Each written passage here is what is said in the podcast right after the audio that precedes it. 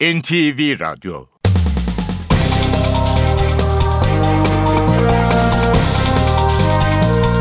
İşe Giderken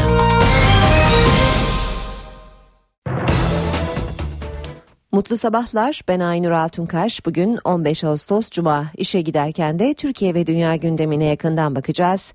Önce gündemin başlıkları.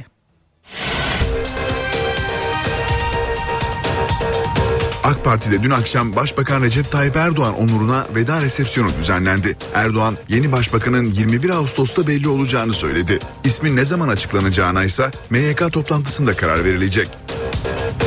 CHP olağanüstü kurultaya gidiyor. Genel Başkan Kemal Kılıçdaroğlu pazar günü Merkez Yönetim Kurulu toplantısının ardından kurultay tarihinin netleşeceğini söyledi. Grup Başkan Vekili Muharrem İnce de genel başkanlığa aday olacağı sinyalini verdi.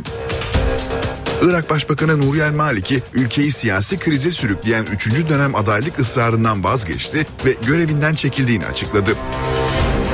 Önceki gün hayatını kaybeden Türk futbolunun efsane ismi Süleyman Seba bugün son yolculuğuna uğurlanacak. İşe Giderken gazetelerin gündemi.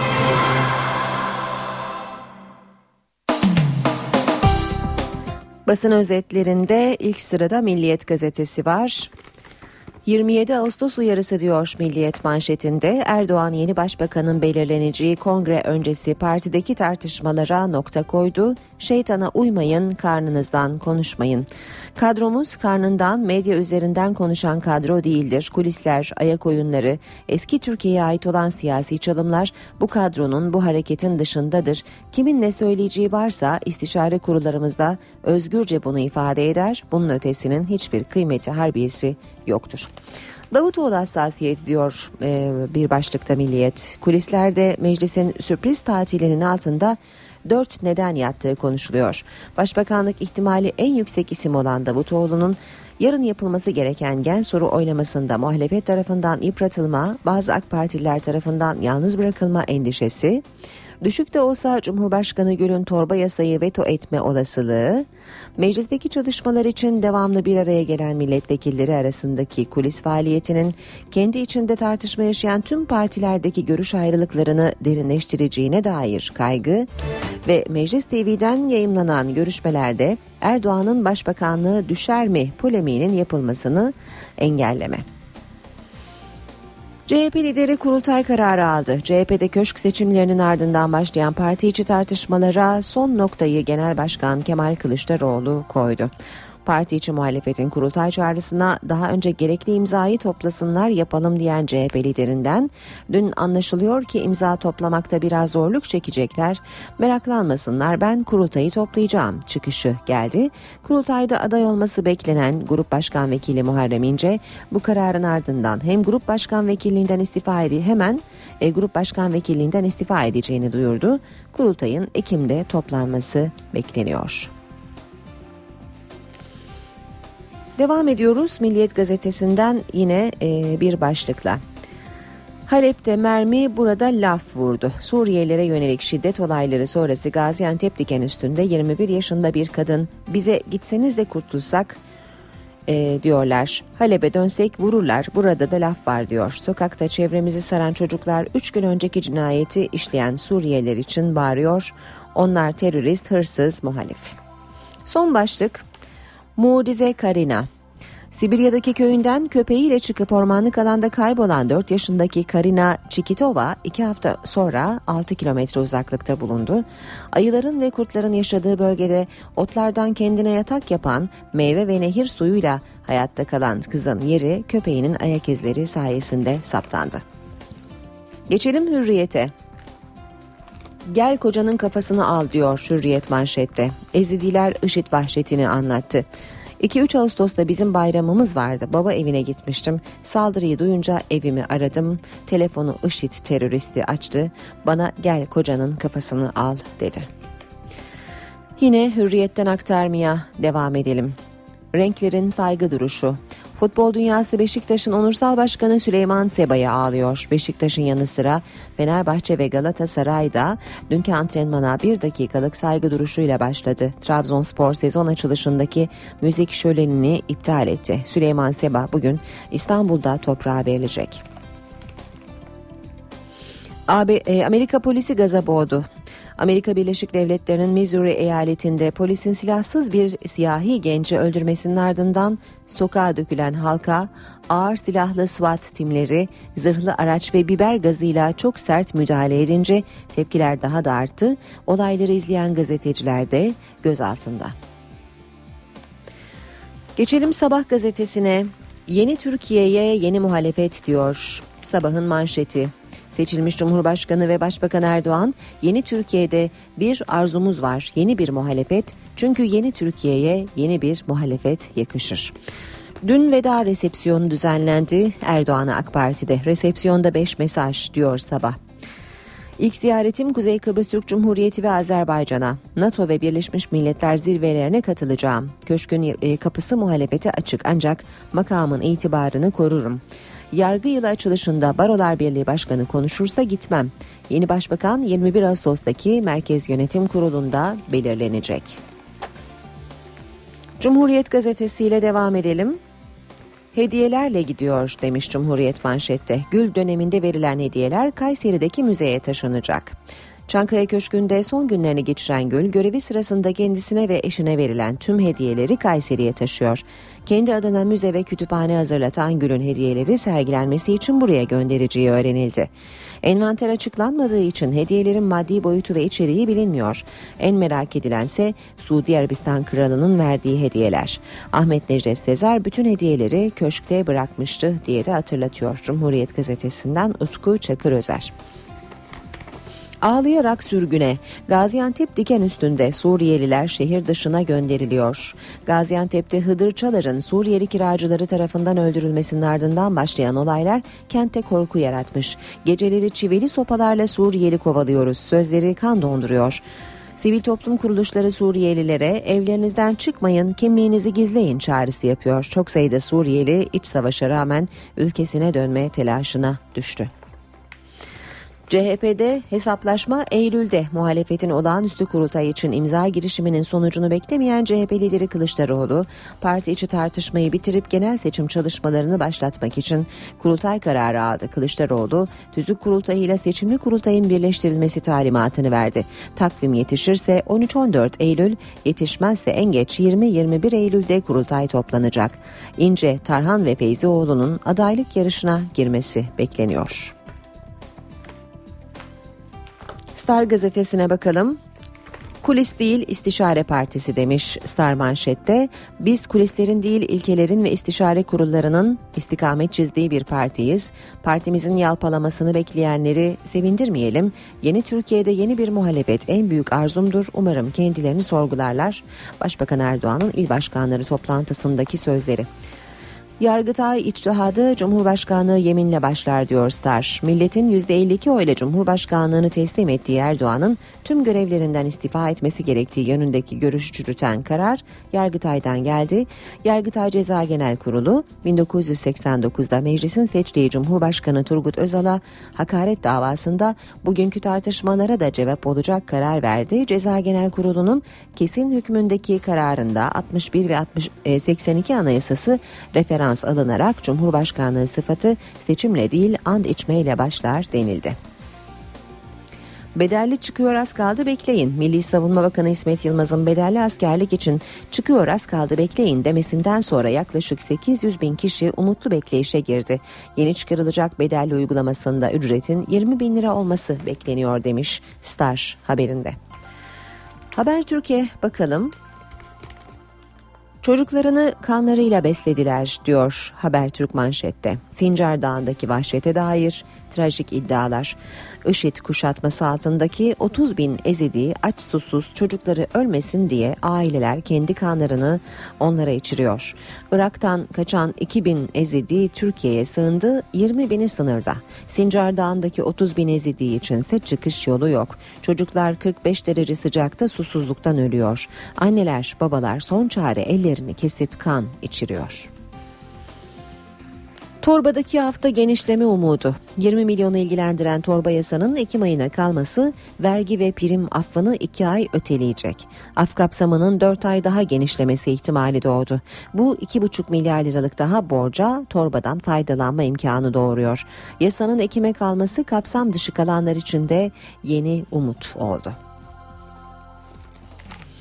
Yeni Şafak gazetesinde manşet kesintisiz mücadele. Erdoğan yeni başbakan için yol haritasını çizdi.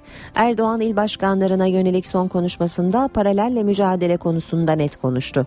Başbakanlık makamına gelecek arkadaşımızın da ulusal güvenliğimizi tehdit eden bu yapıya müsamaha göstermemesi beklentimizdir. Ve zaman Zulüm ve vergi ablukası duruşumuzu değiştirmez diyor manşette. TUSKON Başkanı Rıza Nur Meral'in açıklamaları var. Fişlendiği söylenen 100 bin şirkete vergi ablukası, ihaleye sokmama, hak edişi ödememe, ruhsat iptali gibi ağır baskılar yapılıyor. Müteşebbisin verdiği vergiyle maaşını alan denetçi pervasızca dernekten istifa et cezadan kurtul diyebiliyor. Yasa dışı baskı ve zulümlerle değiştirme, dönüştürme arzu ediliyorsa bu çabanın beyhude olduğundan emin olabilirler. İşe giderken de beraberiz İstanbul trafiğini olumsuz etkileyebilecek kazayı bir kez daha hatırlatalım. Tem Demetris Tekstil Kent yönünde meydana geldi. Bu kazada iki kişinin hayatını kaybettiği belirtiliyor. Şu anda çift yönlü olarak e, kaza noktasına gidişlerde e, sıkıntı var Tem otoyolunda. Şu anda elimize ulaşan bir başka kazada Avcılar yan yol Hacı Şerif yönünde meydana geldi. Hasarlı bir kaza bu. E, bu arada bir de e, birinci köprüde Beylerbeyi yakınlarında bir intihar girişiminin olduğu bilgisi bize ulaştı. Bu da köprü trafiğini olumsuz etkileyecektir ilerleyen dakikalarda. Şimdi biz gündeme yakından bakmaya başlayalım. 62. hükümetin başbakanı 21 Ağustos'ta belli olacak. İsim AK Parti Merkez Yürütme Kurulu toplantısında netleşecek. Açıklamayı Başbakan Recep Tayyip Erdoğan dün katıldığı AK Parti'nin 14. kuruluş yıl dönümü resepsiyonunda yaptı. Erdoğan Cumhurbaşkanı olduktan sonra nerede oturacağı, muhalefetle ilişkilerin nasıl olacağı gibi merak edilen sorulara da yanıt verdi. Türkiye'nin yeni başbakanı 21 Ağustos Perşembe günü netleşecek. Başbakan Recep Tayyip Erdoğan AK Parti'de onuruna düzenlenen veda resepsiyonunda konuştu. Halefinin Perşembe günü toplanacak Merkez Yürütme Kurulu'nda netleşeceğini söyledi. Nasip olursa Perşembe günü bir MYK toplantısı yapacağız. MYK toplantısında bu konuyu aramızda müzakere edeceğiz. Ve MYK toplantısından sonra artık partimizin ortak ismi belli olur. O ismin ne zaman açıklanacağına da MYK toplantısında karar vereceğiz. Erdoğan yeni başbakana hükümeti kurma görevini de Cumhurbaşkanlığı makamını devraldıktan hemen sonra 29 Ağustos'ta vereceğini söyledi. Başbakan Erdoğan'a adli yıl açılış törenine katılıp katılmayacağı da soruldu. Başbakan, Türkiye Barolar Birliği Başkanı Metin Feyzoğlu'nun davet edilip söz verilmesi durumunda törene katılmayacağını söyledi. Danıştay'da yaşadığımızı yaşamak istemeyiz. Eğer Yargıtay baro başkanını çağırıp orada konuşturacak olursa oraya ben katılmam. Süreler beni hiç ilgilendirmez. Tüm bunlara rağmen Yargıtay başkanı konuşacaksa ben de seve seve dinlerim. Yargıtay'ın başı olduğu için dinlerim. Ve Erdoğan nerede oturacak tartışması. Başbakan Cumhurbaşkanı olduktan sonra Keçiören'deki evinden taşınacağını da belirtti. Ev artık herhalde subay evleri olmaz. Çünkü gelenimizle gidenimizle olay farklı artık. Bir yerde de bu Türkiye'nin vizyonudur. Burada temsil söz konusudur. Başbakan Erdoğan köşke çıktığında muhalefetle nasıl ilişkiler kuracağı sorusunu da yanıtladı. Davetlerimizi yaparız. Bir kere iki kere davet edersiniz icabet edilmezse Cumhurbaşkanlığı makamını mehabetini korumak durumundayız. Erdoğan 12. Cumhurbaşkanı olarak ilk yurt dışı seyahatlerini de Azerbaycan ve Kuzey Kıbrıs Türk Cumhuriyeti'ne yapacağını söyledi. Başbakan resepsiyonun ardından AK Partili milletvekillerine seslendi.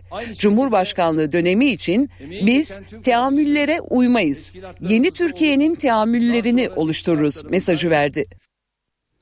Resepsiyonda Dışişleri Bakanı Ahmet Davutoğlu ilgi odağıydı. Zira Ahmet Davutoğlu başbakanlık için ismi geçenler arasında.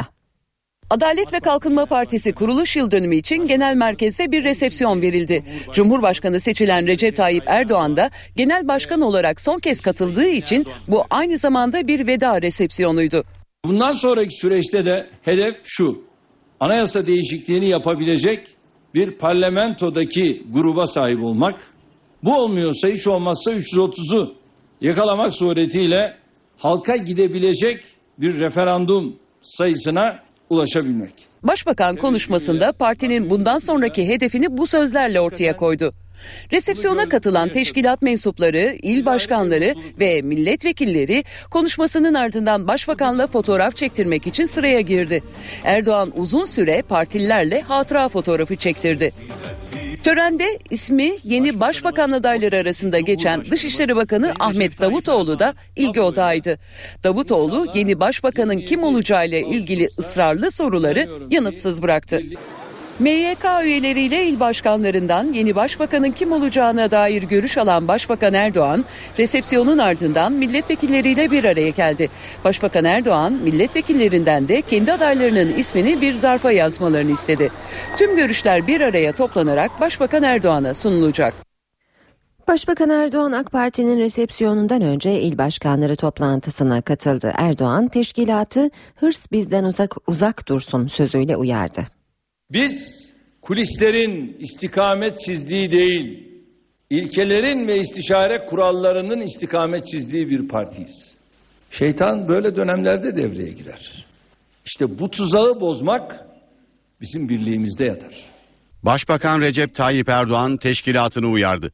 27 Ağustos'ta yapılacak olağanüstü kongre öncesi AK Parti'nin liderlik tartışması içerisine çekilmek istendiğini söyledi. Önümüzdeki iki haftalık süreçte bu imtihanın yoğunluğu daha da artacak. Hiçbir yol arkadaşımızın içinden geçtiğimiz imtihandan başarısızlıkla çıkacağına inanmıyorum. Hırs bizden uzak olsun. Makam tutkusu, rütbe sevdası, bencillik bizden hep uzak oldu, hep uzak olsun.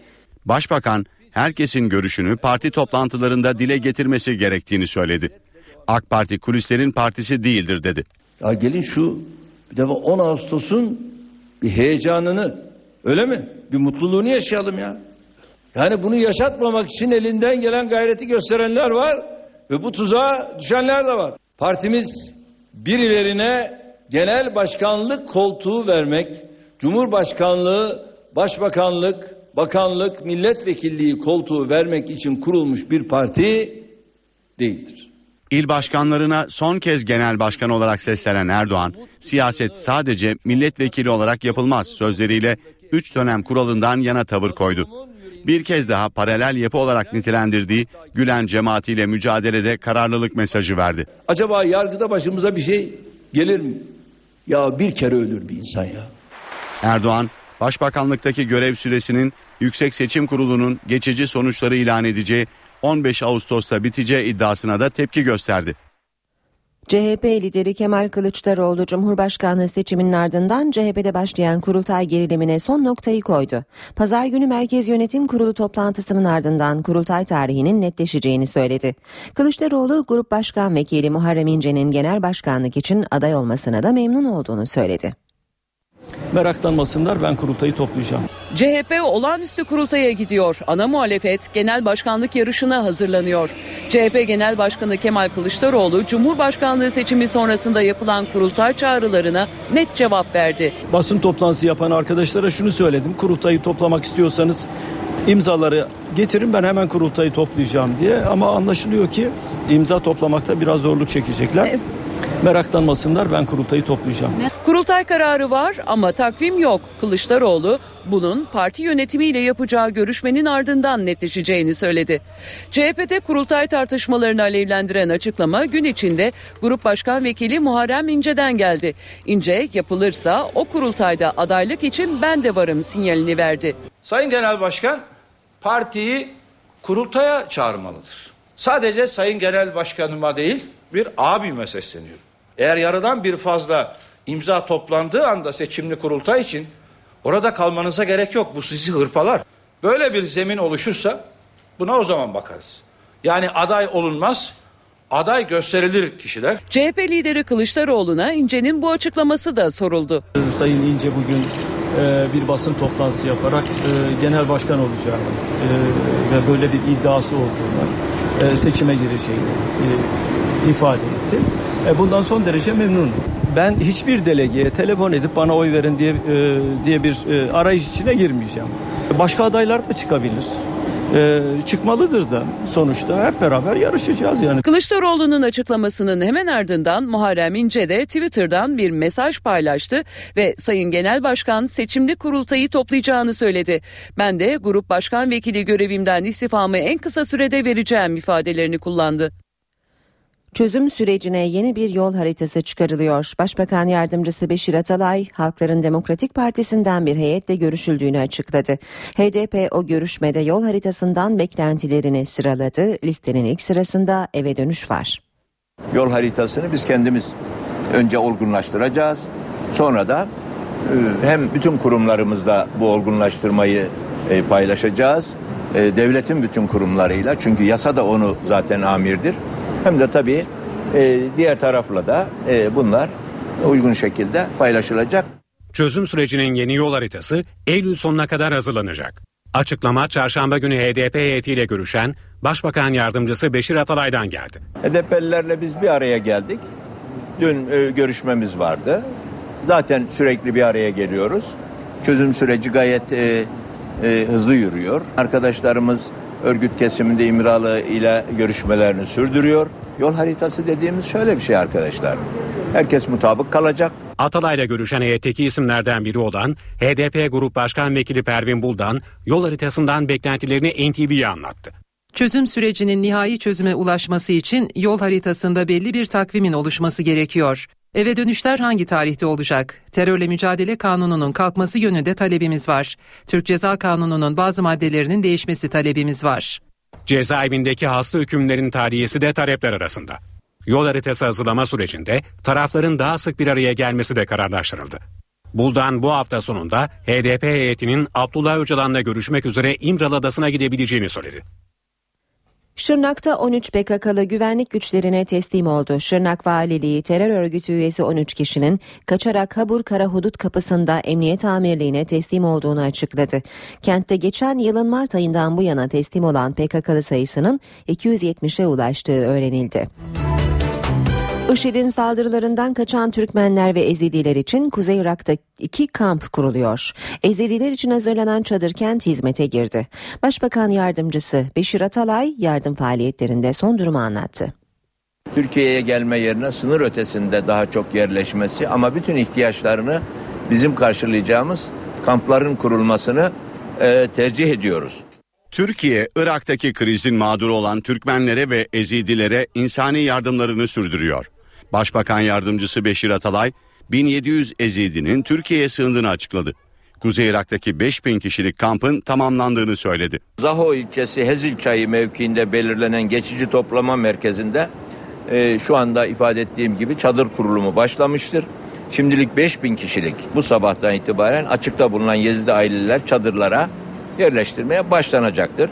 Atalay, Türkmenler için de çadır kent kurulmasına yönelik çalışmaların sürdüğünü açıkladı. Doha e, civarında yer tespit edildi ve hızlı şekilde oraya da çadır kent e, kurulmaya başlandı. Orası 20 bin kişilik bir e, Türkmen e, çadır kenti olacak ve yönetimini de onlara devredeceğiz. Bütün iç ihtiyaçlarını, gıda vesaire e, e, biz temin edeceğiz. Atalay, Gazze'ye yapılan yardımlarla ilgili de son durumu açıkladı. Türkiye, Gazze'ye 1,5 milyon dolar tutarında ilaç ve tıbbi malzeme gönderdi. 2500 gıda kolisi ulaştırıldı. Kızılay'ın ilaç, gıda, temizlik malzemesi, yatak ve battaniye yardımları da devam ediyor. Gaziantep'te bir Suriyelinin ev sahibini öldürmesi üzerine başlayan olaylar dördüncü gününde. Olayı protesto eden grupla polis arasında dün gecede gerginlik yaşandı. Ş- Serin Evler mahallesinde toplanan grup çöp konteynerlerini devirip sokaktaki Suriye plakalı araçlara zarar verdi. Polis uyarıya rağmen dağılmayan kalabalığa biber gazıyla müdahale etti. Çıkan olayda gözaltına alınanlar oldu. Bölgedeki güvenlik önlemleri artırıldı. İstanbul Gülsuyu'nda geçen yıl Hasan Ferit Gedi'yi öldüren uyuşturucu çetesi mensupları yargılandıkları davanın ilk duruşmasında salondaki milletvekillerine ve Gedi'nin yakınlarına saldırdı. Mahkeme heyeti güvenlik gerekçesiyle davayı 4 Eylül'e erteledi. İstanbul'da uyuşturucu çetelerine protesto eyleminde öldürülen Hasan Ferit Gedik davasında ilk duruşma yapılamadı. 17'si tutuklu, 35 sanıklı davanın ilk duruşmasında tutuksuz sanıklar CHP milletvekilleri Mahmut Tanal, İlhan Cihaner, Hüseyin Aygün ve Gedik'in yakınlarına saldırdı. Hasan Ferit Gedik'in ailesi duruşma salonuna bile giremedi. İçeri girmek istedim. Beni çağırmadılar ve e, astım hassa- hassas olduğum için e, bayağı sıktılar beni. Bizi bayağı bir tartaklamaya çalıştılar. Yani biz ailesi olarak en başta girmemiz gerekirken maalesef giremedik. İçinde arbedenin yaşandığı adliyenin dışındaysa geniş güvenlik önlemleri vardı. Duruşmaya alınmayanları milletvekili Mahmut Tanal sakinleştirdi. Sanıkların hakkında işlem yapılmayınca da bu cesareti alıyorlar. Tutana baktığınız zaman sanki normal bir duruşmanın açıldığı, kimlik tespitlerin yapıldığı, tarafların geldiği yazılı. Bu gerçek dışı bir tutanak. Mahkeme heyeti duruşmayı 4 Eylül'e erteledi. Bu, bu mahkemenin bu heyetle, bu basiretsizlikle e, bir muhakeme yürütmesi ve bu sanıkları cezalandırması mümkün değil. Biz bu açıdan güvenimizi kaybettik. Mevcut heyete bu heyetle zaten devam edemeyiz. Dava ile ilgili soruşturmada çete üyelerinin cinayetten aylar önce polis tarafından dinleme ve takibe alındığı ortaya çıkmıştı. AK Parti'de dün akşam Başbakan Recep Tayyip Erdoğan onuruna veda resepsiyonu düzenlendi. Erdoğan yeni başbakanın 21 Ağustos'ta belli olacağını söyledi. İsmin ne zaman açıklanacağına ise MYK toplantısında karar verilecek. CHP olağanüstü kurultaya gidiyor. Genel Başkan Kemal Kılıçdaroğlu pazar günü Merkez Yönetim Kurulu toplantısının ardından kurultay tarihinin netleşeceğini söyledi. Grup Başkan Vekili Muharrem İnce de genel başkanlığa aday olacağı sinyalini verdi. Irak Başbakanı Nuri El Maliki ülkeyi siyasi krize sürükleyen 3. dönem adaylık ısrarından vazgeçti ve görevinden çekildiğini açıkladı. Önceki gün hayatını kaybeden Türk futbolunun efsane ismi Süleyman Seba bugün son yolculuğuna uğurlanacak. Sağlık Bakanı Mehmet Müezzinoğlu tedavilerine Türkiye'de devam edilen 25 Gazze'linin sağlık durumu hakkında bilgi verdi. Müezzinoğlu ülkelerine sağlıklı şekilde dönecekler dedi. Ankara'da tedavi edilen 22 Gazze'linin önemli konukları da vardı.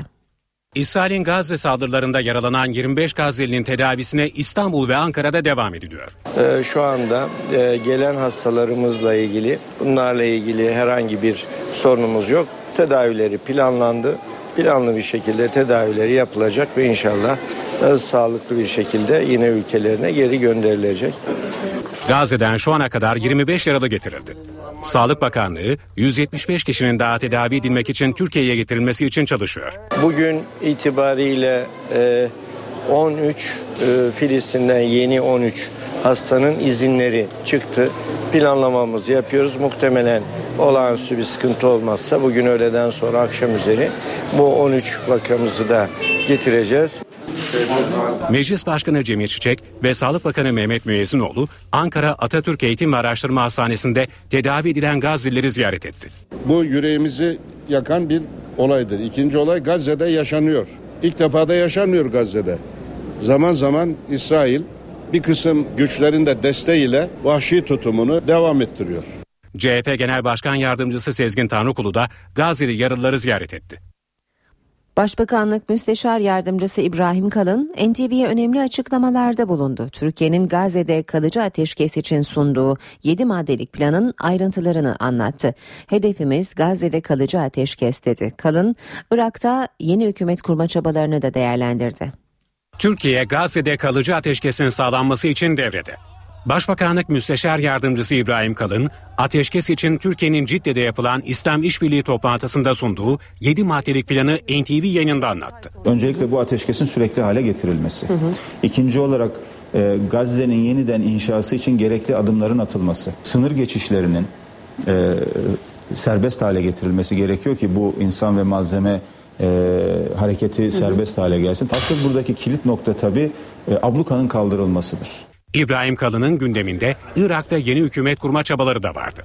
Irak Cumhurbaşkanı Fuat Masum'un hükümeti kurma yetkisini Nuri El Maliki yerine Meclis Başkan Yardımcısı Haydar El Abadi'ye vermesini değerlendirdi.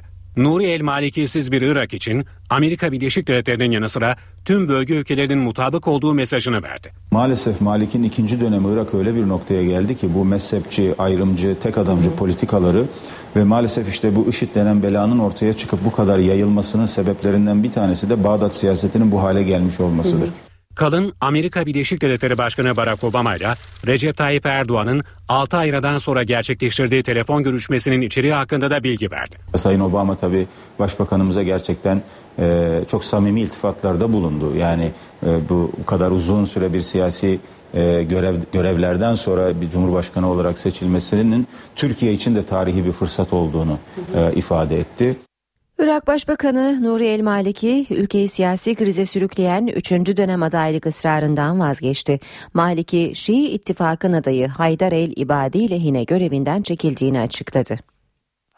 Irak'ta siyasi krizin çözümü için önemli bir adım atıldı. Başbakan Nuri El Maliki 2006 yılından bu yana sürdürdüğü görevini bıraktı. Daha önce 3. dönem başbakanlık adaylığından vazgeçmeye yanaşmayan Maliki kararını şu sözlerle açıkladı. Onurlu Irak halkına hiçbir makamda gözüm olmadığını söylemek isterim. Benim için en yüksek makam bana duyduğunuz güvendir. Sizlerin önünde yeni hükümet kurulmasına yol açmak ve Irak'ın çıkarlarını korumak için görevimden Haydar İbadi lehine çekildiğimi açıklıyorum. Ülkedeki siyasi partilerin terör tehdidine karşı birlikte çalışması gerektiğini söyleyen Maliki, Başbakan adayı Haydar El İbadi'yi destekleyeceğini sözlerine ekledi. Irak Cumhurbaşkanı tarafından hükümeti kurma görevi verilen Haydar El İbadi de Maliki kıdemli bir devlet görevlisi olmaya devam edecek dedi. 8 senedir Irak Başbakanlığı görevini yürüten Maliki, Şii yanlısı bir siyaset izleyerek ülkedeki Sünnileri ve Kürtleri yönetimden dışladığı için ağır eleştiri altındaydı. Irak ordusunun IŞİD güçleri karşısında başarısız olması da Maliki üzerindeki baskıları artırmıştı. Maliki'nin yanlı siyaseti sonucu Ankara-Bağdat ilişkileri de zaman zaman gerilmiş, Türkiye hükümeti Kuzey Irak Kürt yönetimiyle daha yakın ilişkiler kurmuştu. Amerika Birleşik Devletleri Başkanı Barack Obama Sincar Dağı'nda IŞİD kuşatmasının kırıldığını söyledi. Sincar Dağı'nda durumun iyileştiğini kaydeden Obama bu nedenle Sincar Dağı'ndan bir tahliye operasyonuna gerek olmadığını söyledi. Amerika Başkanı bölgeye havadan yardım malzemeleri atmaya da gerek kalmadığı anlaşılıyor ifadesini kullandı. Barack Obama bununla birlikte Irak'taki Amerikan tesislerini korumak için hava saldırılarına devam edeceklerini vurguladı. Obama Iraklılara radikal militanları ülkeden çıkarmak için birleşme çağrısı da yaptı. Dışişleri Bakanı Ahmet Davutoğlu IŞİD tehlikesinden kaçan Ezidilerin durumunu değerlendirdi. Davutoğlu Ezidilerin ihtiyaçlarını gidermek için her türlü yardımı yapmaya hazırız dedi. Twitter'dan açıklama yapan Dışişleri Bakanı Ahmet Davutoğlu konu adalet olduğunda etnik mezhebi fark gözetmeksizin herkese elimizi uzatırız ifadelerini kullandı. İnsani konularda Türkiye'nin tavrının net olduğunu belirten Davutoğlu Sincar Dağı'nda helikopterin düşmesi sonucu yaralanan Ezidi milletvekili Viyan Dahil'i de arayarak geçmiş olsun dileklerini ilettiğini vurguladı. NTV Radyo'da işe giderken de haberlere küçük bir ara vereceğiz. Spor haberleriyle devam edeceğiz. Saat başında hava durumuyla yine karşınızda olacağız. Spor haberleri başlıyor.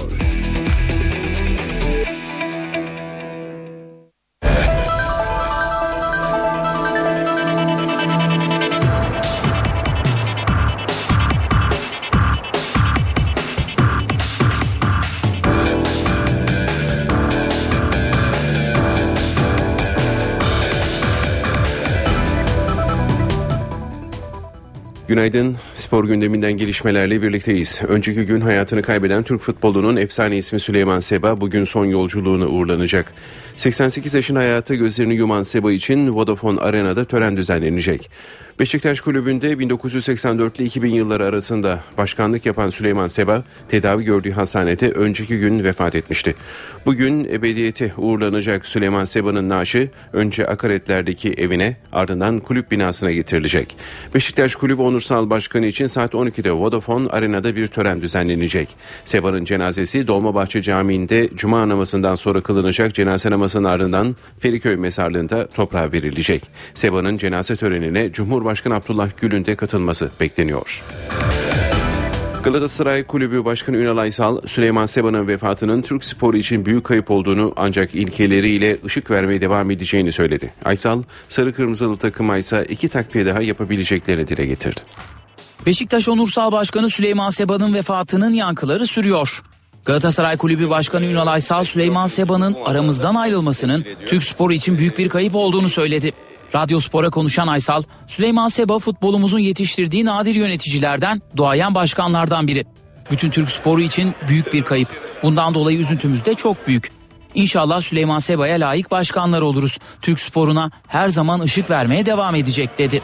Ünal Aysal Fenerbahçe ile oynanacak Süper Kupa maçı içinde Süper Kupa'da her zaman olduğu gibi dostluk kazansın diyorum.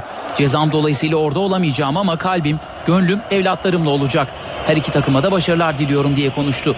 Aysal takımın durumu ve transferlerle ilgili açıklamalarda da bulundu. İtalyan teknik direktör Prandelli'nin takıma yepyeni bir ruh getirdiğini söyleyen Aysal, Geçen sene biraz bocaladık ama bu sene son derece iddialıyız. Galatasaray kadrosu en zengin kulüplerden biri. Takımda büyük değerler, yetenekler var. Yine hocamız bunları değerlendirmeye çalışıyor. Tespit ettiği eksikler için belki bir iki tane daha transfer devreye girebilir dedi. Spor Toto Süper Lig'in başlamasına iki hafta kaldı. Pasolik kartı olmayanlar statlara giremeyecek ama satışlar beklendiği gibi gitmiyor. Ligler başlıyor. Ancak Paso Lig satışları yeterli düzeyde değil. Uygulama yeni olduğu için henüz kulüplerimizin e, kart sayıları yeter seviyede değil. Toplam kart satışı bugün itibariyle 160 bini geçti. E, artarak devam edeceğini düşünüyoruz. Yaz döneminde 200-300'lerde olan günlük kart satış adetlerinin e, önce 6 bin, 8 bin ve bugün itibariyle 10 binlere çıktığını düşünürsek aslında bu, bu da biraz toplum alışkanlıklarının ne şekilde seyrettiğini e, göstermek açısından önemli. E, dolayısıyla zaman içerisinde özellikle ilk 1-2 hafta e, sonuna kadar e, kart sayısında çok ciddi bir artış bekliyoruz.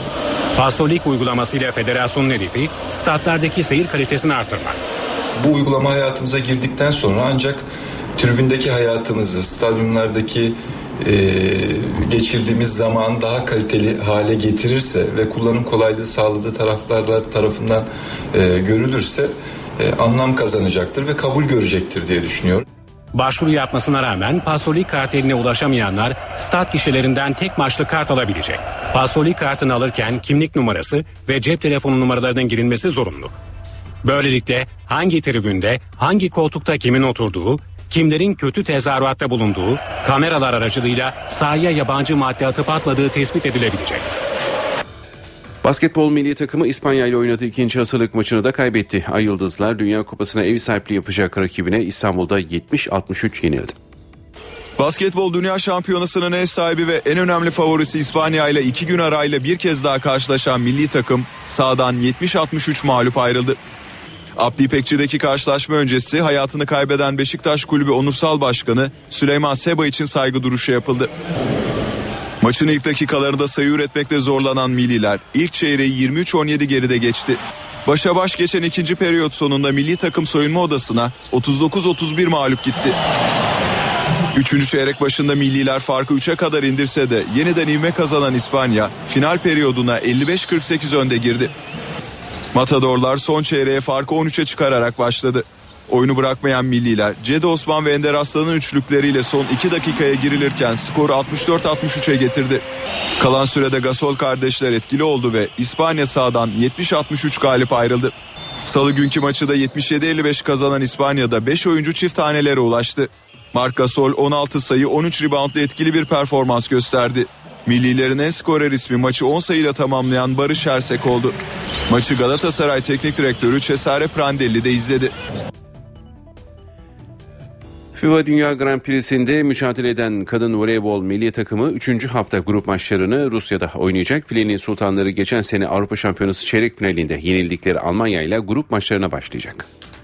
FIVB Dünya Grand Prix'sinde ilk iki hafta geride kaldı. A milli kadın voleybol takımımız ilk iki hafta sonrasında 12 takım arasında 13 puanla ikinci sırada yer alıyor. Filenin Sultanları Ankara'da oynadığı ilk iki hafta grup maçlarında Japonya, Amerika Birleşik Devletleri, Rusya, Sırbistan ve Almanya'yı yenerken Dominik Cumhuriyeti'ne 3-2 mağlup oldu. Birinci grupta yer alan 12 takım arasında oynanacak 3. hafta maçları sonunda ilk 4 sırada yer alan takımlar Tokyo'nun ev sahipliğinde yapılacak altılı finallerde yer alma hakkına sahip olacak. Dünya Grand Prix'sinde 3. hafta maçlarında milli takımımız Rusya'ya konuk olacak. İlk rakibimiz ise geçen hafta Ankara'da 3-1 yendiğimiz Almanya olacak. Vakıfbank'la sayısız başarıya ulaşan Giovanni Guidetti'ni çalıştırdığı Almanya 6-2 galibiyette 8. sırada yer alıyor. Milli takımımız cumartesi günü Rusya ve pazar günü İtalya ile oynayacağı maçlarla 3. haftayı tamamlayacak. Şu anda ikinci sırada yer alan milli takımımızda 5. İtalya arasında 3 puan bulunuyor. Filenin sultanları FIVB Dünya Grand Prix'sinde en son 2012'de altılı finallere kalmış ve turnuvayı bronz madalya ile tamamlamıştı. Bu haberimizi spor bültenimizi tamamlıyoruz. İyi günler diliyoruz. NTV Radyo Herkese yeniden günaydın. İşe giderken de yeni saate başlıyoruz. Birazdan son hava tahminlerini Gökhan'a buradan alacağız. Önce gündemin başlıkları.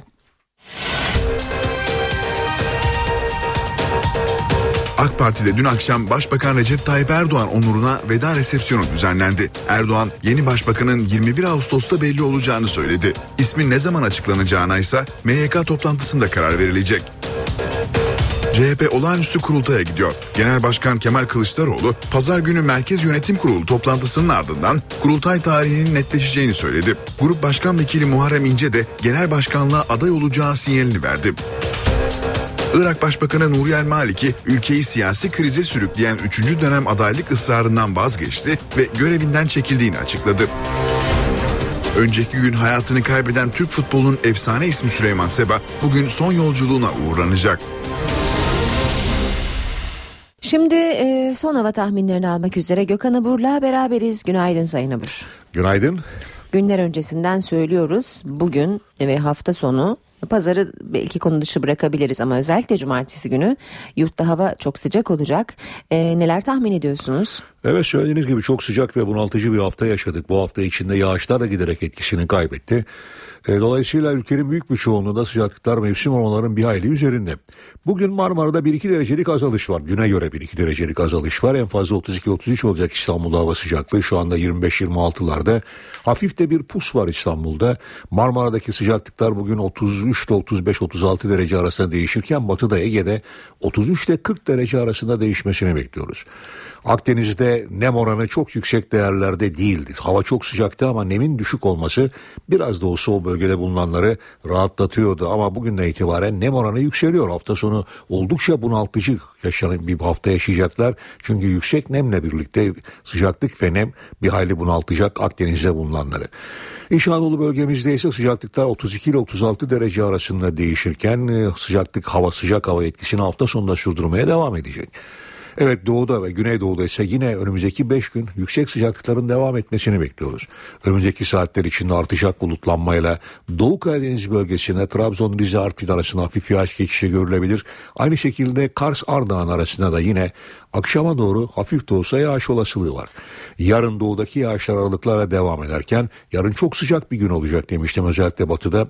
İlerleyen saatlerde Trakya'da bulutlanma biraz artacak. Pazar günü ise sıcaklıkların Trakya'dan başlayarak biraz olsun azalmasını bekliyoruz. Bu azalış ve serin hava Trakya'dan başlayarak bulutlanmayı arttıracak. O bakımdan Trakya'da pazar günü öğleden sonra akşama doğru bulutlanmanın artmasına bağlı olarak başlayacak yağış pazar gecesinden sonra Marmara'nın batı ve kuzeyini etkisi altına alacak.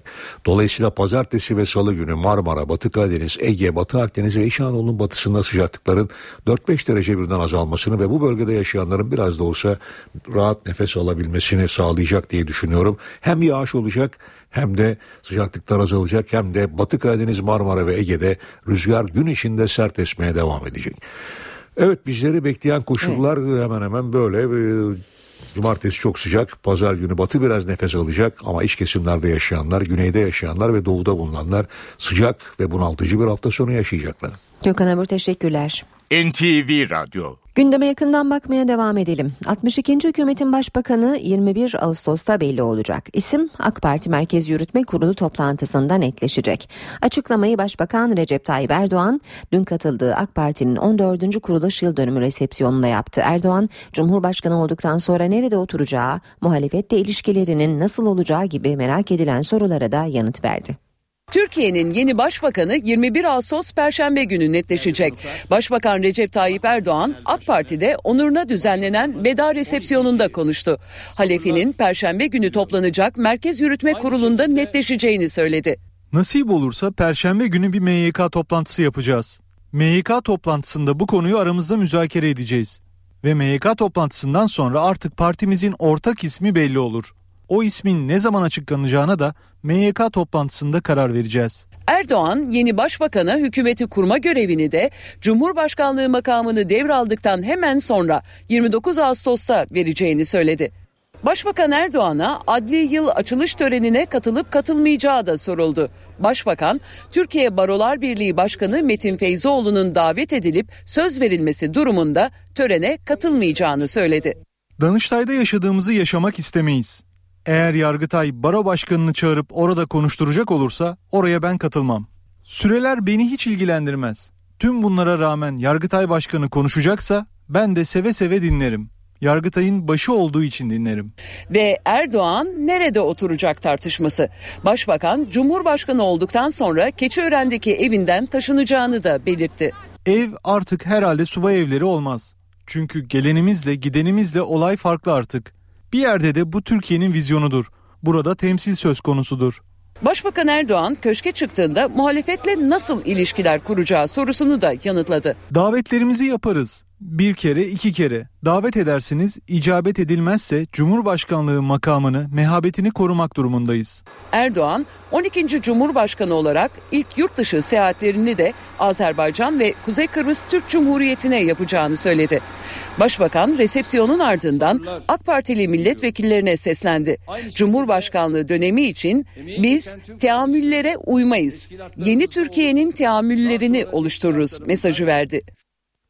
Başbakan Erdoğan AK Parti'nin resepsiyonundan önce il başkanları toplantısına katıldı. Erdoğan teşkilatı hırs bizden uzak dursun sözüyle uyardı. Biz kulislerin istikamet çizdiği değil, ilkelerin ve istişare kurallarının istikamet çizdiği bir partiyiz. Şeytan böyle dönemlerde devreye girer. İşte bu tuzağı bozmak bizim birliğimizde yatar. Başbakan Recep Tayyip Erdoğan teşkilatını uyardı. 27 Ağustos'ta yapılacak olağanüstü kongre öncesi AK Parti'nin liderlik tartışması içerisine çekilmek istendiğini söyledi. Önümüzdeki iki haftalık süreçte bu imtihanın yoğunluğu daha da artacak. Hiçbir yol arkadaşımızın içinden geçtiğimiz imtihandan başarısızlıkla çıkacağına inanmıyorum. Hırs bizden uzak olsun. Makam tutkusu, rütbe sevdası, bencillik bizden hep uzak oldu, hep uzak olsun. Başbakan herkesin görüşünü parti toplantılarında dile getirmesi gerektiğini söyledi. AK Parti kulislerin partisi değildir dedi. Ya gelin şu bir defa 10 Ağustos'un bir heyecanını öyle mi? Bir mutluluğunu yaşayalım ya. Yani bunu yaşatmamak için elinden gelen gayreti gösterenler var ve bu tuzağa düşenler de var. Partimiz birilerine genel başkanlık koltuğu vermek, cumhurbaşkanlığı, başbakanlık, bakanlık, milletvekilliği koltuğu vermek için kurulmuş bir parti değildir. İl başkanlarına son kez genel başkan olarak seslenen Erdoğan, siyaset sadece milletvekili olarak yapılmaz sözleriyle 3 dönem kuralından yana tavır koydu. Bir kez daha paralel yapı olarak nitelendirdiği Gülen cemaatiyle mücadelede kararlılık mesajı verdi. Acaba yargıda başımıza bir şey gelir mi? Ya bir kere ölür bir insan ya. Erdoğan, Başbakanlıktaki görev süresinin Yüksek Seçim Kurulu'nun geçici sonuçları ilan edeceği 15 Ağustos'ta biteceği iddiasına da tepki gösterdi. CHP lideri Kemal Kılıçdaroğlu Cumhurbaşkanlığı seçiminin ardından CHP'de başlayan kurultay gerilimine son noktayı koydu. Pazar günü Merkez Yönetim Kurulu toplantısının ardından kurultay tarihinin netleşeceğini söyledi. Kılıçdaroğlu Grup Başkan Vekili Muharrem İnce'nin genel başkanlık için aday olmasına da memnun olduğunu söyledi. Meraklanmasınlar ben kurultayı toplayacağım. CHP olağanüstü kurultaya gidiyor. Ana muhalefet genel başkanlık yarışına hazırlanıyor.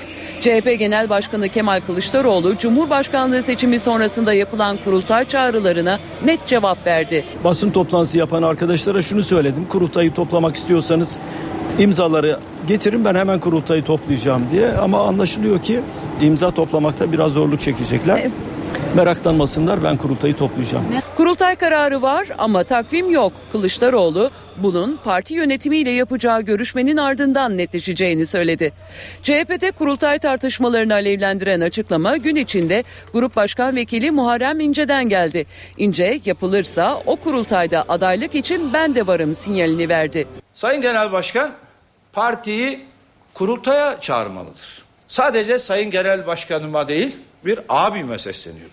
Eğer yarıdan bir fazla imza toplandığı anda seçimli kurultay için orada kalmanıza gerek yok. Bu sizi hırpalar. Böyle bir zemin oluşursa buna o zaman bakarız. Yani aday olunmaz, aday gösterilir kişiler. CHP lideri Kılıçdaroğlu'na İnce'nin bu açıklaması da soruldu. Sayın İnce bugün e, bir basın toplantısı yaparak e, genel başkan olacağını e, ve böyle bir iddiası olduğunu e, seçime gireceğini e, ifade etti. E, bundan son derece memnunum. Ben hiçbir delegeye telefon edip bana oy verin diye e, diye bir e, arayış içine girmeyeceğim. Başka adaylar da çıkabilir. Ee, çıkmalıdır da sonuçta hep beraber yarışacağız yani. Kılıçdaroğlu'nun açıklamasının hemen ardından Muharrem İnce de Twitter'dan bir mesaj paylaştı ve Sayın Genel Başkan seçimli kurultayı toplayacağını söyledi. Ben de grup başkan vekili görevimden istifamı en kısa sürede vereceğim ifadelerini kullandı.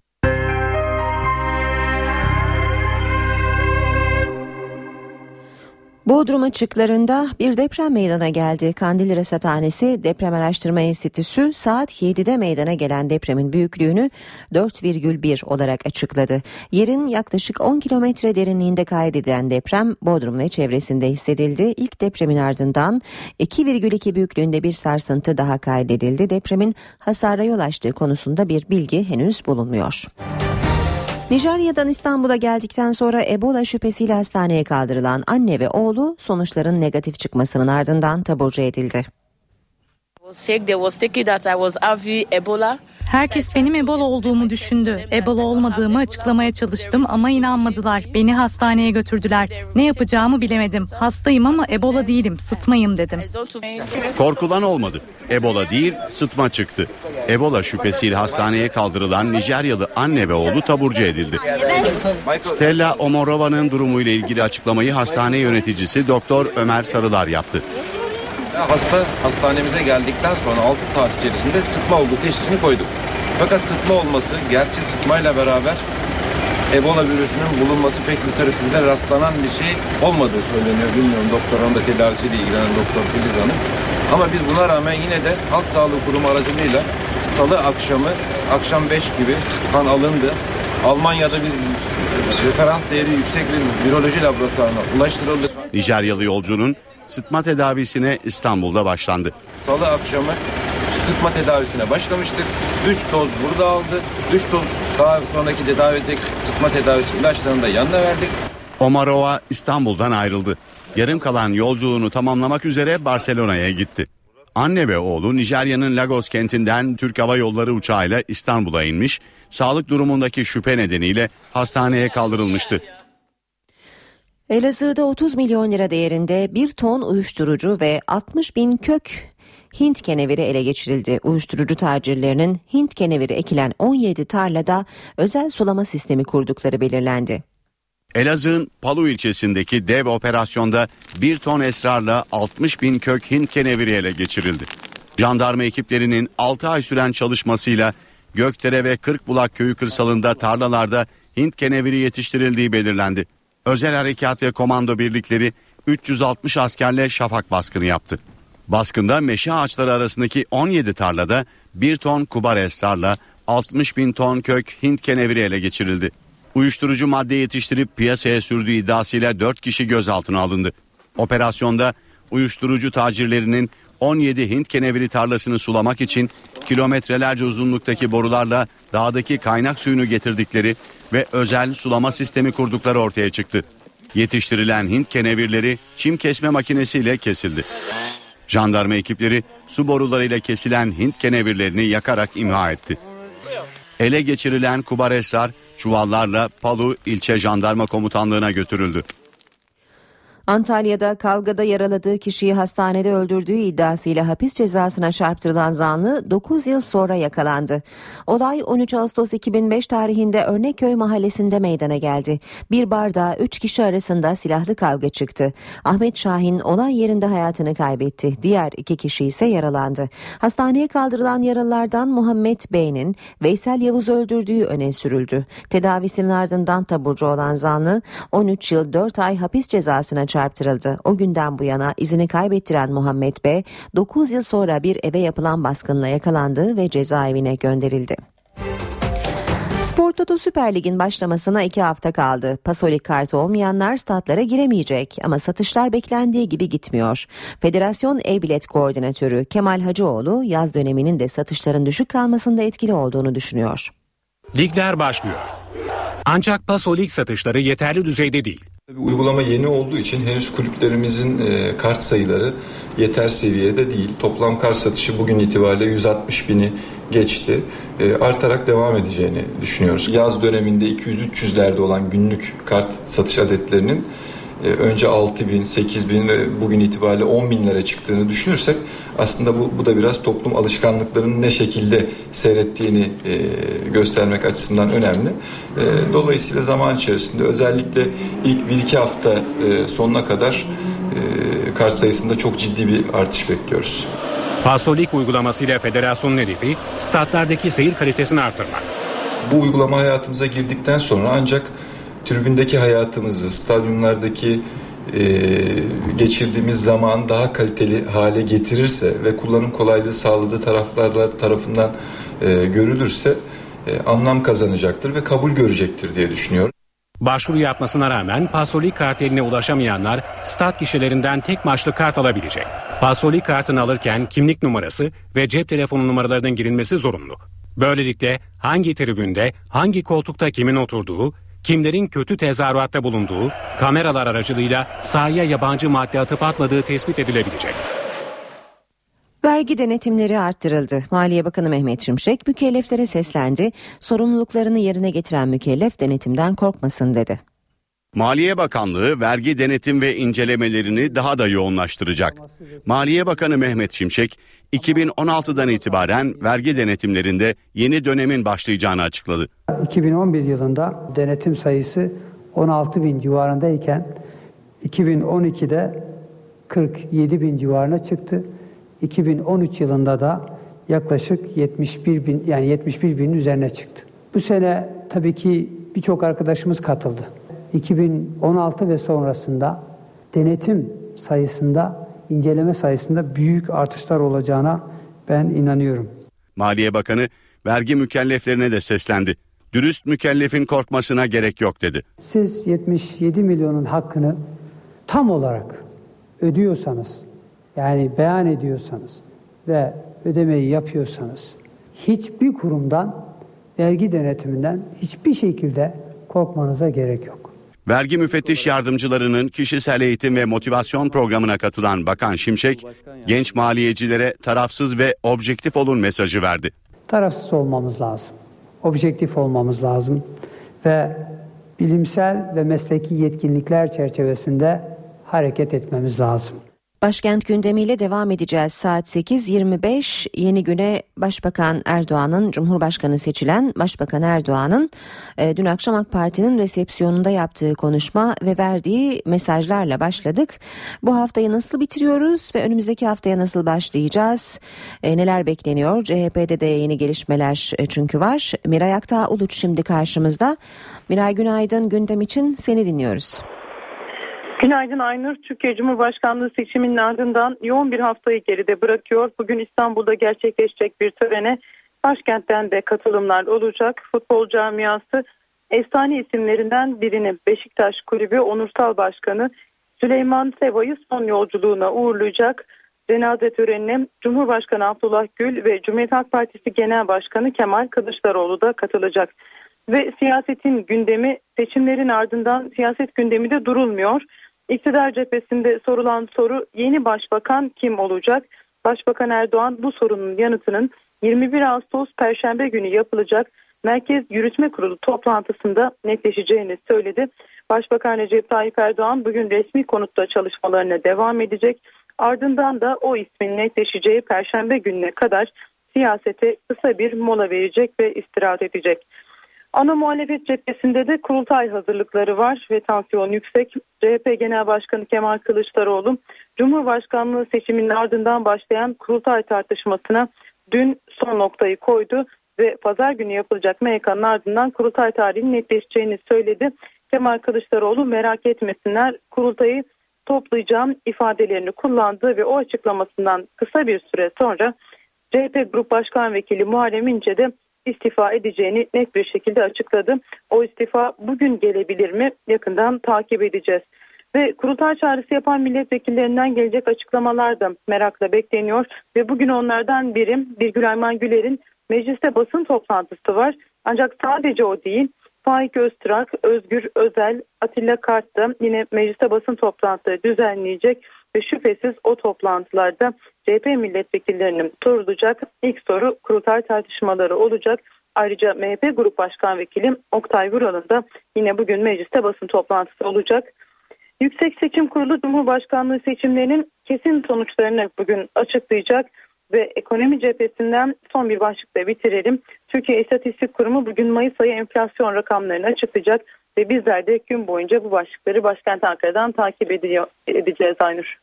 Teşekkürler Miray. Başkent gündemini Miray Akta Uluş'tan aldık. Şimdi ekonomi gündemiyle devam edeceğiz. Cari açık rakamları dün açıklanmıştı. Bakalım bu rakamlar Ayşe teyzeye ne ifade ediyor? Profesör Güngör Uras bizimle. Ayşe teyze ne yapsın? Güngör Uras, Ayşe teyzeye ekonomide olan biteni anlatıyor. Merhaba sayın dinleyenler, merhaba Ayşe Hanım teyze, merhaba Ali Rıza Bey amca. Haziran ayı cari açığı 4 milyar dolar oldu. Geçen yıl her ay 6 milyar dolar açık veriyorduk. Bu yıl her ay ortalama 4 milyar dolar açık vermeye başladık. Cari açık yani döviz açığı küçülüyor. Bu da iyi bir gelişmedir. Hatırlatmakta yarar var. Cari açık olağan döviz giderleriyle olağan döviz gelirleri arasındaki farktır. Olağan döviz giderlerimizin ana kalemi ithalattır. Olağan döviz gelirlerimizin ana kalemi ise ihracat ve turizm gelirleridir. Cari açık döviz açığı yurt dışından ülkeye giren döviz ile kapatılıyor. Yurt dışından ülkeye doğrudan yatırım için, borsa için, bono satın almak için döviz geliyor. Bankalar ve özel sektör döviz kredisiyle borçlanıyor. Bu sayede döviz açığımızı kapatıyoruz. Dünya piyasaları daralmadan önceki dönemde cari açığımızın büyük olmasına rağmen ülkeye her ay açık rakamından daha fazla döviz girişi oluyordu. Açığı kolayca kapatıyorduk. Fazla döviz nedeniyle de döviz fiyatı ucuzluyor. Döviz rezervlerimiz artıyordu. Aylık açık bu yıl küçüldü ama yılbaşından bu yana açığı kapatacak kadar döviz girişi de olmuyor. Döviz girişi yavaşladı. Nereden geldiği belli olmayan döviz sayesinde açığı zorlukla kapatıyoruz. Şimdilerde Türkiye'ye gelen döviz genelde bono ve repo için gelen döviz. Bu döviz günlük faiz ve döviz kuru oynamasından para kazanmak için gelen sıcak döviz. Kalıcı olamıyor. Her zaman çıkma olasılığı var. Bizim bekleyişimiz önce cari açığı kalıcı olarak küçülmesi sonra da küçülecek cari açığın kalıcı döviz girişiyle kapanması. Kalıcı döviz girişi ülkede yatırım yapmak için gelen dövizdir. Cari açığı küçültecek olan da ithalatın azalmasıdır, ihracatın artmasıdır. Bizim cari açığımızın, döviz açığımızın arkasında ithalat var. Üretimde ve tüketimde ithalat bağımlılığı nedeniyle ithalatı küçültmekte zorlanıyoruz. 2014 cari açığı küçülmesine rağmen 50 milyar dolar olacak. Milli gelirin %6'sının üzerinde bir döviz açığı vereceğiz. Bekleyişimiz ihracat artışını hızlandırarak cari açığı kalıcı olarak küçültmektir. Bunu da ancak yurt dışında talebi olan ve para eden tarım ve sanayi üretimini arttırarak gerçekleştirebiliriz. Bir başka söyleşide birlikte olmak ümidiyle şen ve sen kalınız sayın dinleyenler. Güngör Uras'a sormak istediklerinizi ntvradio.ntv.com.tr adresine yazabilirsiniz. Küçük bir ara daha vermeden önce e, piyasalardaki son verilere bakalım. BIST 100 endeksi dün açıldığı seviyeye çok yakın 77.569 puandan kapandı. Bu sabah e, dolar 2.15, euro 2.88'de, euro dolar 1.34, dolar yen 103 düzeyinde. Altının onsu 1312 dolar, kapalı çarşıda gram altın 91, çeyrek altın 150 liradan işlem görüyor. Brent petrolün varili 103 dolar. AK Parti'de dün akşam Başbakan Recep Tayyip Erdoğan onuruna veda resepsiyonu düzenlendi. Erdoğan yeni başbakanın 21 Ağustos'ta belli olacağını söyledi. İsmin ne zaman açıklanacağına ise MYK toplantısında karar verilecek. CHP olağanüstü kurultaya gidiyor. Genel Başkan Kemal Kılıçdaroğlu pazar günü Merkez Yönetim Kurulu toplantısının ardından kurultay tarihinin netleşeceğini söyledi. Grup Başkan Vekili Muharrem İnce de genel başkanlığa aday olacağı sinyalini verdi. Irak Başbakanı Nuri El Maliki ülkeyi siyasi krize sürükleyen 3. dönem adaylık ısrarından vazgeçti ve görevinden çekildiğini açıkladı. Önceki gün hayatını kaybeden Türk futbolunun efsane ismi Süleyman Seba bugün son yolculuğuna uğurlanacak. Devlet okullarından özel okula geçiş için teşvik başvurusu 25 Ağustos'a kadar uzatıldı. Özel Eğitim Kurumları Genel Müdürü Ömer Faruk Yelkenci başvuru kriterlerini ve sürecin ayrıntılarını NTV yayınında anlattı. Başvuru tarihini 25 Ağustos 2014'e kadar uzatmış olduk. Devlet okullarından özel okullara geçiş için teşvik başvurularında süre uzatıldı. Başvurular 25 Ağustos'a kadar devam edecek. 250 bin öğrenci özel okula geçiş teşviği alacak. Öğrencinin akademik ve sosyal başarısı, ailenin gelir durumu, e, öğrencinin harp veya vazife malulü bir anne babanın çocuğu olup olmama durumu, öğrencinin anne babasının e, durumu, e, hayatta olup olmaması ya da anne babanın ayrı olup olmaması, varsa öğrencinin aldığı disiplin cezası gibi kriterler üzerinden oluşacak puanıyla öğrenciyi sıralamış olacağız. Özel Eğitim Kurumları Genel Müdürü Ömer Faruk Yelkenci başvuru kriterlerini NTV yayınında anlattı. Eğer ailemizin gelir durumunun et, oluşturmuş olduğu puana bağlı olarak genel puanı e, bu 250 binin e, öğrencinin içinde kaldıysa e, doğal olarak faydalanabilecekler. Yani şunu demek istiyorum. E, bir alt e, lim, gelir alt limitimiz yok. Bu kendiliğinden doğal bir şekilde başvurularının sıralanması sonucunda oluşacak. Çocuk ilkokulda almaya e, hak kazanmışsa teşviği ilkokul bitene kadar teşvik hakkı devam edecek. Yelkenci, hali hazırda özel okulda okuyan öğrencilerin teşvik başvurusunda bulunamayacağını hatırlattı. 28 Ağustos'ta hem e, teşviğe hak kazanmış öğrencilerin listesini hem de bu öğrencileri okutmaya hak kazanmış olan özel okulların listesini yayınlayacağız. Askeri yerleşkeler içindeki anaokulları Milli Eğitim Bakanlığı'na devrediliyor. Yani kışlalardaki anaokulları sivillerin çocuklarına da açılıyor. Türk Silahlı Kuvvetleri'ne ait anaokullarına artık askeri personel çocuğu olmayanlar da gidebilecek. Askeri tesisler içinde bulunan okul öncesi eğitim kurumları 49 yıllığına Milli Eğitim Bakanlığı'na devredilecek. İlk uygulama İstanbul'da yapılacak. Habertürk gazetesinin haberine göre İstanbul Tersane Komutanlığı, Tuzla Piyade Okulu, Hastal 23. Motorlu Piyade Komutanlığı ve Maltepe İkmal Mali Okulu içindeki anaokulları imzalanan protokollerle Milli Eğitim Bakanlığı'na devredilecek. Böylece daha önce sadece askeri personelin çocuklarının gidebildiği anaokullarına yakın bölgelerde oturan sivillerin çocukları da gidebilecek. Eğitim, Milli Eğitim Bakanlığı'nın müfredatına uygun şekilde yapılacak. Okullara 3-4 ve 4-5 yaşlarında olan çocuklar alınacak. Okul ücretleri Milli Eğitim Bakanlığı'na bağlı diğer anaokullarıyla aynı olacak. Türkiye'de erkekler en çok akciğer, kadınlarda meme kanserine yakalanıyor. Bu tespit Sağlık Bakanlığı'nın son 5 yıllık verilerine dayanıyor. Onkoloji uzmanları operatör doktor Bülent Kargı ve profesör doktor Hakan Bozruk, Türkiye'deki kanserler ve kanserden korunma yöntemleri hakkında NTV'ye bilgi verdi. Erkeklerde akciğer, kadınlarda ise meme kanseri çok yaygın. Sağlık Bakanlığı'nın son 5 yıllık verileri Türkiye'deki kanser vakalarında en sık rastlanan hastalık türünü ortaya koydu. Buna göre erkeklerde en çok akciğer kanseri görülüyor. Bunu prostat ve mesane kanseri izliyor. Akciğer kanserinin %85'i tamamen sigaraya bağlı. Yani yaklaşık %85'i önlenebilir vaziyette. 40'lı yıllardan sonra sigaranın artışıyla beraber e, maalesef çok önemli hale geldi. Uzmanlar sigara kullanımına paralel olarak kadınlarda da akciğer kanserinde artış olduğuna dikkat çekiyor.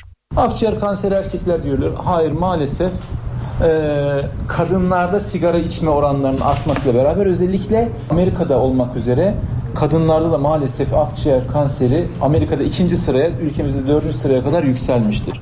Türk kadınının en sık karşılaştığı türse meme kanseri. 40 ve 70 yaşları arasında en sık görülen e, e, kadınlardaki kanser olduğunu söyleyebiliriz. Her 8 hanımdan biri biliyoruz ki yaşam boyu meme kanserine yakalanacak. Uzmanlar kanserde erken teşhisin önemine dikkat çekiyor. Ailesinde kanser hastalığı olanların risk taşıdığını vurgulayan uzmanlar, belirti olmasa dahi belli periyotlarda doktor kontrolünü öneriyor. Uzmanlara göre sağlıklı beslenmek, ideal kiloya yakın olmak, egzersiz yapmak ve en önemlisi de sigara içmemek kansere yakalanma riskini azaltıyor.